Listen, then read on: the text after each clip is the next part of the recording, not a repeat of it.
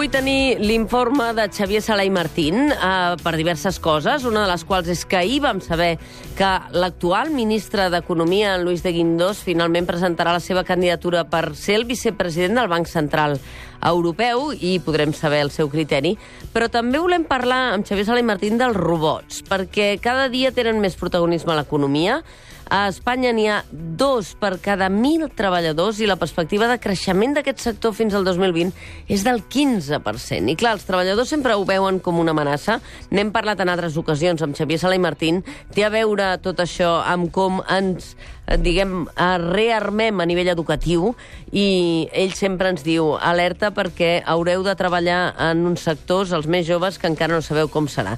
Professor Xavier Sala i Martín, molt bon dia. Hola, molt bon dia, com anem? Molt bé, uh, aquí esperant claus.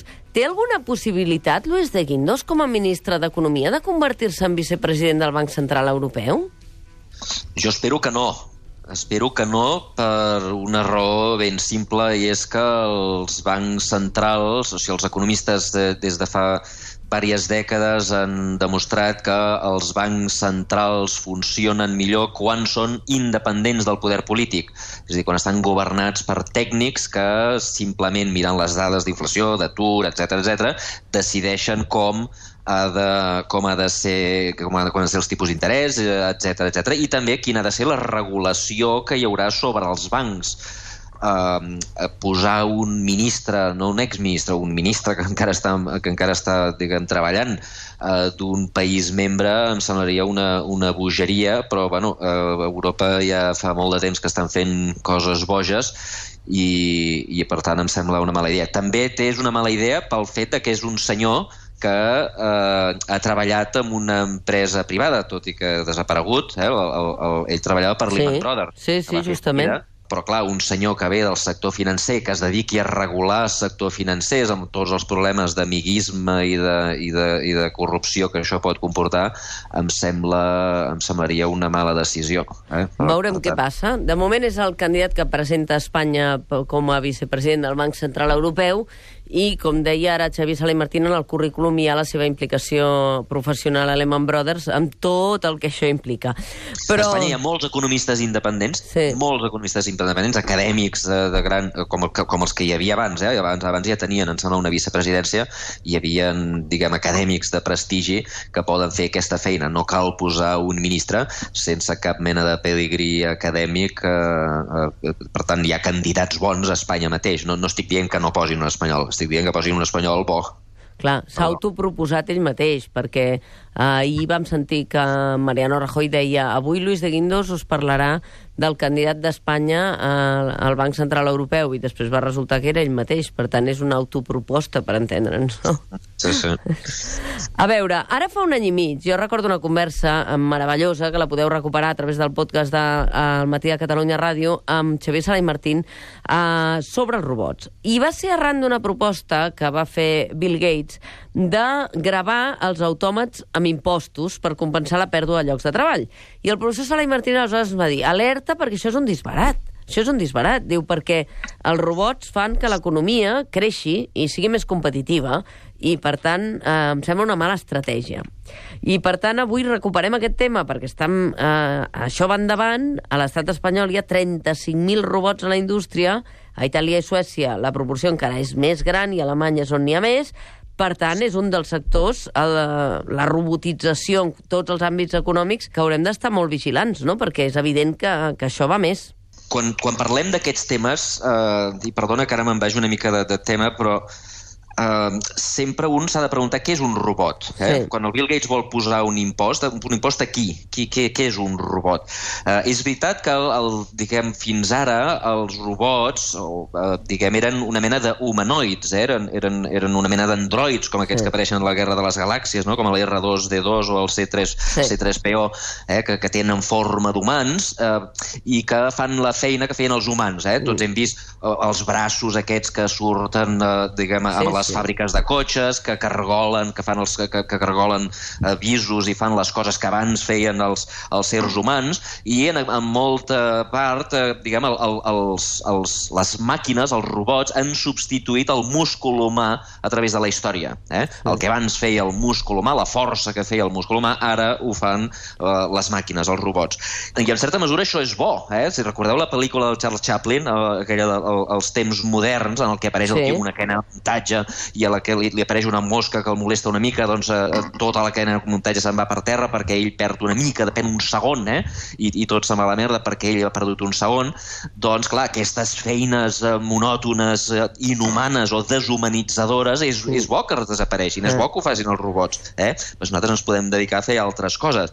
Però és que avui els, els robots ja no són això o ja no són només això, ja no són uns, una, uns aparells físics en forma de ser humà, en forma d'android, sinó que eh, són dues coses. La primera són eh, algoritmes eh, que ja no substitueixen el, el múscul, sinó que substitueixen el cervell. Uh -huh. Prenen decisions Eh?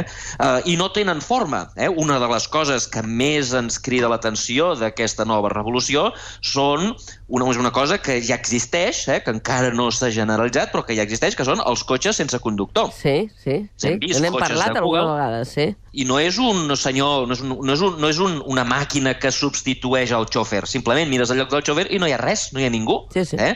Tot això és una colla d'algoritmes que pren decisions a través d'aprenentatge, el que es diu la machine learning, no? la, la, les, les màquines que aprenen, l'aprenentatge de les màquines, que l'enfrontes a, a, a milers i milers, a milions i milions de situacions, i llavors ells són capaços de generalitzar, igual que fa el cervell humà, per prendre decisions. Sí, sí. El que passa que tot això s'ha de programar i comporta eh, problemes més enllà de la pèrdua de llocs de treball. Eh? Hi ha centenars de milions de persones repeteixo, centenars de milions de persones que viuen de conduir avui dia els taxistes, els xofers, els conductors de camions, eh, també els conductors de trens i d'avions, que tot això acabarà també automatitzat.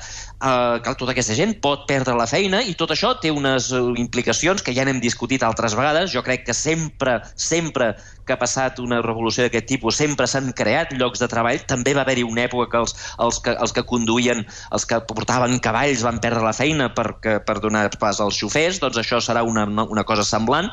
Hi haurà un canvi, però apareix apareixen noves, eh, noves preguntes que per mi són molt més importants i que potser et donen significat al que poden ser les feines del futur. Per exemple, un cotxe d'aquests eh, automàtics que, que van sense conductor, hi haurà un moment que tindrà accidents Sí, S'ha demostrat que tenen molts menys accidents que no pas els éssers humans, perquè la major part d'accidents venen d'errors humans. Estem fumant, estem mirant el WhatsApp mentre conduïm, estem badant, cantant música, etc etc, parlant amb el de costat. Tot això, els robots, òbviament, el, el, el cotxe automàtic no ho farà, ah. uh, i per tant tindrà menys accidents, però n'hi haurà d'accidents, òbviament, n'hi haurà, Perquè menys. no són infal·libles, evidentment. Exacte, no seran infal·libles, i perquè hi ha humans a fora. Per exemple, hi ha un cotxe que està anant pel carrer i de sobte es troba eh, doncs, eh, que no té cap més opció que anar a la dreta o a l'esquerra. A la dreta hi ha una senyora amb un cotxet, amb un bebè, i a l'esquerra hi ha un avi amb, una, amb, un, amb un bastó que no pot... I triarà què atropella, vols dir? Exacte, aquí atropella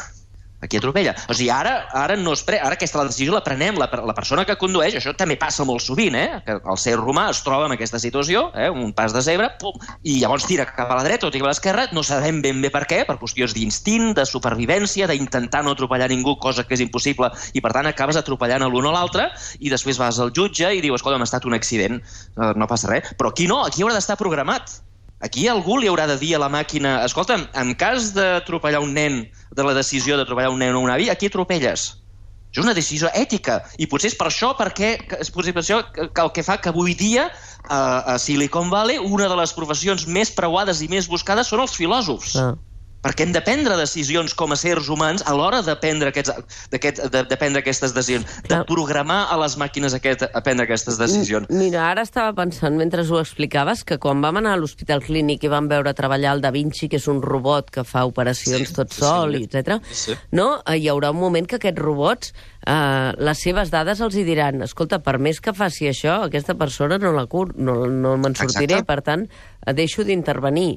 Això, Això és una altra qüestió ètica, Clar. una altra qüestió ètica, però és que a més aquestes qüestions ètiques es deriven en qüestions legals. Perquè ara, diguem, ara doncs, la persona que estava conduint doncs, acaba aixafant i matant a l'avi, i diguem, si vas al jutge, si, si els fills d'aquest avi van al jutge, el jutge dirà, va, ha estat un accident, no passa res. Però clar, ara hi haurà un programa, hi haurà un codi, hi haurà alguna manera de demostrar que el robot ha estat programat perquè mati a l'avi i no el nen. Sí, sí. I aleshores el propietari d'aquest codi, eh, el propietari de l'algoritme, el propietari de l'empresa, és responsable de la mort de l'avi? o no. I, per tant, necessitem també pensar com a sers humans com canviem les lleis, perquè les lleis, tot això, tot això no, no, no estic parlant de ciència-ficció, tot això està passant ara. Eh? Tots hem vist ja els cotxes de Google circulant pel carrer. Uh -huh. Però és que, a més, hi ha, hi ha una altra cosa que potser és més important. Diguem, si, si, si vols resumir la història de la biologia o tota la ciència biològica amb, amb, amb quatre paraules, eh? quatre paraules -huh. per resumir tota la història, és els organismes són algoritmes. És a dir, hem descobert que tota la biologia, tota la vida és a base d'algoritmes. I l'evolució de la vida sempre ha sigut algoritmes. És a dir, l'ADN es reprodueix a si mateix, de vegades comet un error, que s'anomena mutació. Si la mutació és favorable per la supervivència d'aquella espècie, es queda, si no, l'espècie es extingeix, i així va evolucionant la vida. Així, així és la vida des de que la vida va arribar al planeta Terra fa no sé quants milers, 4.000 sí, sí. 4 milions d'anys, no? Um, però clar, si són algoritmes, i avui dia ja sabem que són algoritmes, tot això ho podem programar. Clar, ara mentre et sento i, i deies que els filòsofs és una de les uh, tasques més buscades a Silicon Valley per intentar incorporar els criteris uh, ètics uh, en aquesta presa de decisions i en canvi les xifres ens diuen que Corea del Sud, la Xina, és on més s'està automatitzant l'economia incorporant la robòtica. És a dir, que aquí sí que hauria d'anar això a nivell transnacional, planetari, a través de segurament dels organismes de debat internacional les conseqüències d'això, no? Sí, sí, però, però, però la, primer, primer explicar les conseqüències. Quines són les conseqüències? És que com que avui dia diguem, entenem que la vida es pot programar, mm. eh, i ja tenim la tecnologia, eh, sobretot la, la tecnologia de, de, del cervell, eh, d'entendre de, com funciona el cervell, doncs tot això ho podem programar i, per tant, podem modificar la vida. Mm. I què vol dir això? Doncs que podem canviar l'ADN, podem canviar les persones, i per tant aquestes persones que canviem, eh, que seran una, una, diguem, una nova, una, uns nous tipus d'homo sapiens, són robots o no són robots? Clar. I, I sobretot, tota aquesta programació, eh, tota aquesta capacitat de canviar la biologia del ser humà i, per tant, no fer una màquina a, a, a fora del cos, sinó fer la, el propi cos que sigui una màquina. És a dir, substituir cadenes, fragments de la cadena d'ADN, que ja es pot... Eh, ja és una de les tècniques que s'està implementant per resoldre determinades malalties, uh, i perfeccionar-la o anar incorporant a dins del nostre cos allò que ens faci Exactament. més eficients, no? Exactament, i per tant ja no, l'evolució ja no ve per aquestes, aquestes mutacions aleatòries eh, que, dels, que, de, de, diguem, que, que, que han descrit la història de la biologia a través dels segles, sinó que vindrien causades per l'home. Mm. I llavors això, tornem a preguntar-nos, aquí hi ha conseqüències ètiques, conseqüències legals, però també conseqüències econòmiques. Eh? És a dir, qui podrà fer això? Home, qui, el qui pot fer això és el qui té totes les dades biomètriques, eh, les dades del nostre cos, eh, quan, si hi ha algú que sigui capaç de tenir totes aquestes dades, i aviat, aviat hi haurà algú que les tindrà, doncs eh, aquesta gent podrà dominar el món. Mm -hmm i passarem eh, a, a, a través de la història, eh, l'actiu la, la, més important de la història ha sigut la Terra. I llavors, la, qui era el propietari de la Terra? Doncs els que eren propietaris eren aristòcrates i els altres eren els serfs. Mm. La Terra va ser substituïda per les màquines. Eh? I el propietari de les màquines era el capitalisme i els altres eren els proletaris. Mm -hmm. Ara el gran actiu seran les dades no, no les dades, diguem, de, de on vas a comprar tu o si mires aquesta pàgina web, no, les teves dades biomètriques, el que passa dins del teu cos. El propietari d'aquestes dades serà capaç de fer sers humans o vida nova mm. i els altres no. I, per tant, el món ja no es dividirà entre robots i no robots. i propietaris, oh, sí. sinó que es dividirà en, en espècies. Sí, sí. Diferents tipus d'espècies.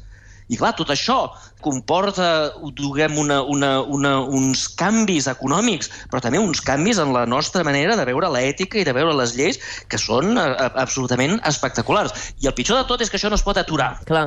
L'altre dia eh, llegíem que els anomenats bots, que ve de robot, eh, les màquines aquestes que les empreses utilitzen per serveis automatitzats d'atendre els clients, etc. un estudi deia que el 2020 el 85% de les relacions entre empreses i usuaris ho faran les màquines. És a dir, que arribarà un moment que això s'implementarà en tots els àmbits, no? Diguem, la, les màquines, clar, el, el problema és que no insisteixo que jo no, no sé ben bé ara ja mateix què, què serà una màquina i què no serà una màquina, què serà un robot i què no serà un robot. És a dir, el, els seres humans programats o, o el nou tipus d'homo sapiens que ve de la, de la nova biologia o els que tenen implant, implantats en el cervell, diguem, el Google, o xips que els hi permeten ser molt més intel·ligents, diguem, ja, ja serà difícil distingir què és un ser humà o què no és un ser humà, el qual també ens porta a qüestions de, o sigui, què és el que distingeix? Eh, diguem, la consciència, hi ha un moment que els robots podran ser conscients, és a dir, podran entendre que ells mateixos són un ser diferent dels altres. Sí. Eh? Tot això és, tot això és una, una cosa important. Però, diguem, el, el, el gran problema que tenim és que encara que ens sembli poc ètic, diguem, eh, acabarà passant. Deixa'm posar un exemple militar. Tots sabem, tots, tots els sers humans sabem que inventar mm, armes intel·ligents és un greu error. Uh -huh. Que els acabarem mal parats. Eh? O sigui, un, un, una mena de Terminator, eh? que, que una, un, un robot armat que sigui capaç de matar 10.000 persones en un segon en un camp de batalla. Eh?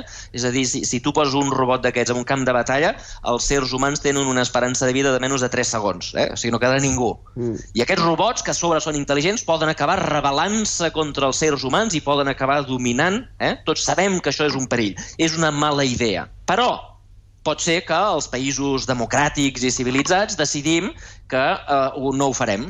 Mm.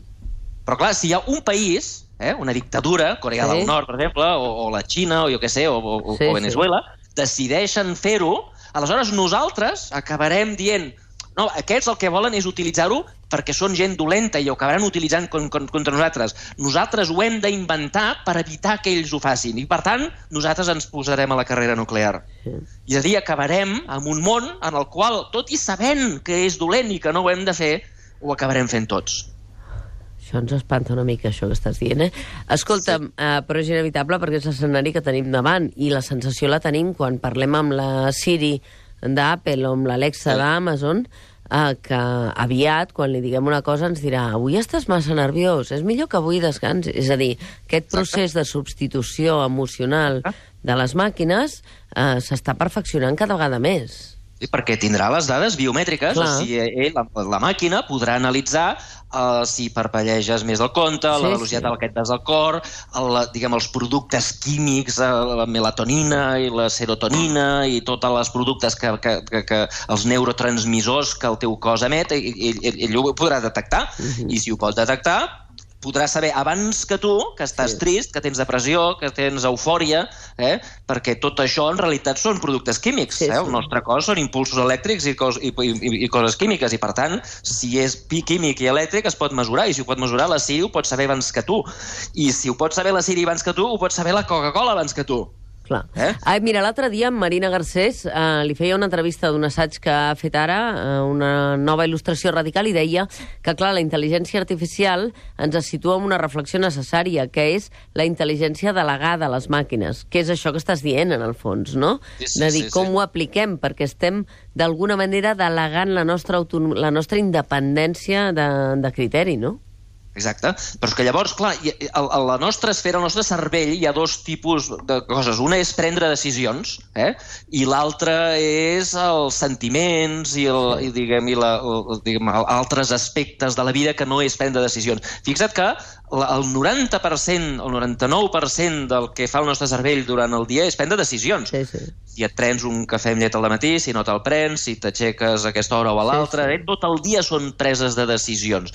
Uh, I, diguem, en, ens dediquem molt poc a fer de sers humans. Sí, sí. és possible que els robots aquests o la nova intel·ligència artificial ens ajudi a prendre decisions que no cal que utilitzem el nostre cervell i que nosaltres ens podem dedicar doncs, a, a pintar o, o, o a fer de sers humans. Sí, sí. I això, òbviament, té, té implicacions eh, per la manera com hem d'ensenyar als nostres nens. Fixa't que a la, a la història hem, hem estat, diguem, al segle XX, hem estat bàsicament ensenyant als nostres nens a fer de robots. Sí, sí.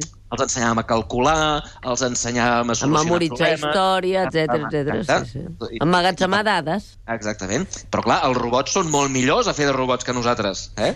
Potser hem de canviar l'educació i en lloc d'ensenyar, intentar que els nostres nens siguin uns robots, els hem d'ensenyar a ser sers humans. Exacte. Hem d'ensenyar coses com l'empatia, els hem d'ensenyar coses com l'ètica, eh? Sí. i aquestes coses que els robots no poden arribar a fer mai, a lo millor és el que nosaltres hem d'acabar ensenyant, perquè és el que acabarem fent.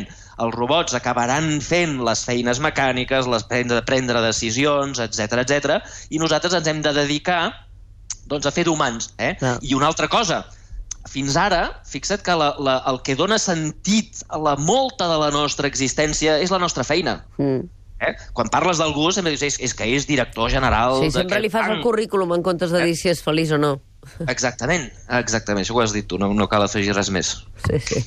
Escolta'm, i com que tu no ets un robot, perquè ara si fossis un robot i jo digués escolta, Xavier, abans de dir-te adéu, la patacada de les borses ens hem de preocupar sí o no? Si fossis un robot em diries estàs sortint de la lògica del que estàvem dient fins ara, això no té res a veure.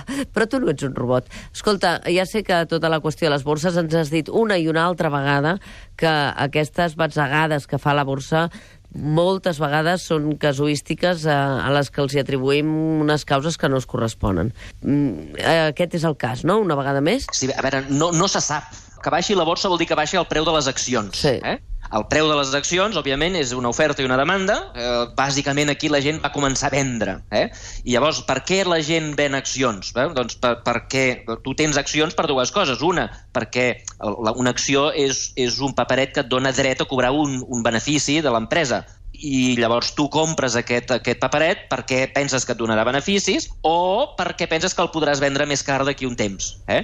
Aleshores, pot ser que les empreses, eh, diguem, els venedors, els, els, els, els, els, diguem, els, els eh, inversors han vist que les empreses no tindran beneficis, és a dir, que ve una crisi econòmica i, per tant, han venut, eh?